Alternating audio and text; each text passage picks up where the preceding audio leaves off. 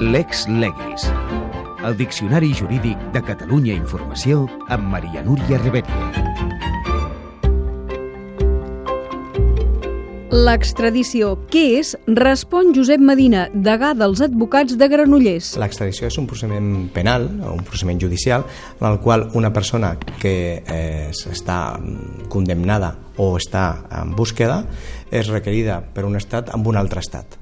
I l'extradició és la consumació, és la tornada, primer és la petició perquè torni aquesta persona a l'estat perquè sigui o perquè compleixi la condemna a la qual ja ha estat eh, condemnat o bé perquè s'està eh, perseguint i se'l vol eh, enjudiciar.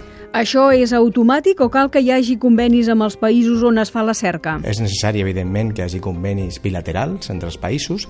Si bé, encara que no hi hagi un conveni bilateral, un país li pot demanar a, a un altre país amb el qual no té aquest eh, conveni l'extradició d'una persona, però aquest altre estat té voluntat d'acceptar o no acceptar aquesta petició.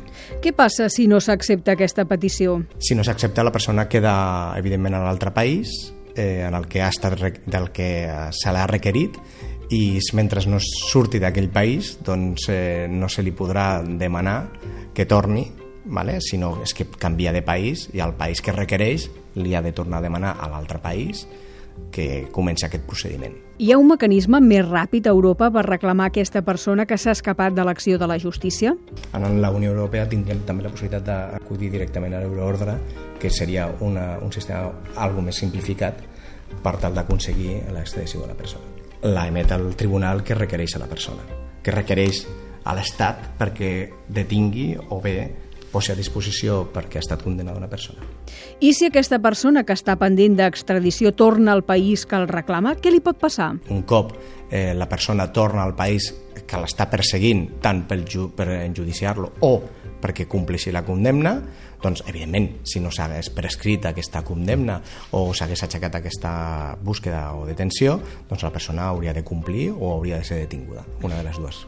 També prescriuen els processos d'extradició? El termini de prescripció depèn de la gravetat del delicte. Segons quin tipus de delicte, doncs la prescripció de la pena és d'uns anys i de la condemna són unes altres. L'extradició quan pot trigar, doncs? Home, és un procediment que no és eh, gaire ràpid. Eh, jo crec que el, hem de comptar com a mínim uns processos que estan entre sis mesos, un any podria ser. En resum, un procés d'extradició és lent i feixuc i pot trigar fins a un any i més temps si hi ha diversos recursos, perquè el país on està la persona que ha fugit de l'acció de la justícia al retorni cal que hi hagi un conveni entre tots dos i que les legislacions dels dos països contemplin el mateix delicte. En el marc europeu hi ha un procediment més àgil que es tramita a través de l'anomenada euroordre, que emet directament al tribunal que requereix la persona que ha al·ludit l'acció de la justícia.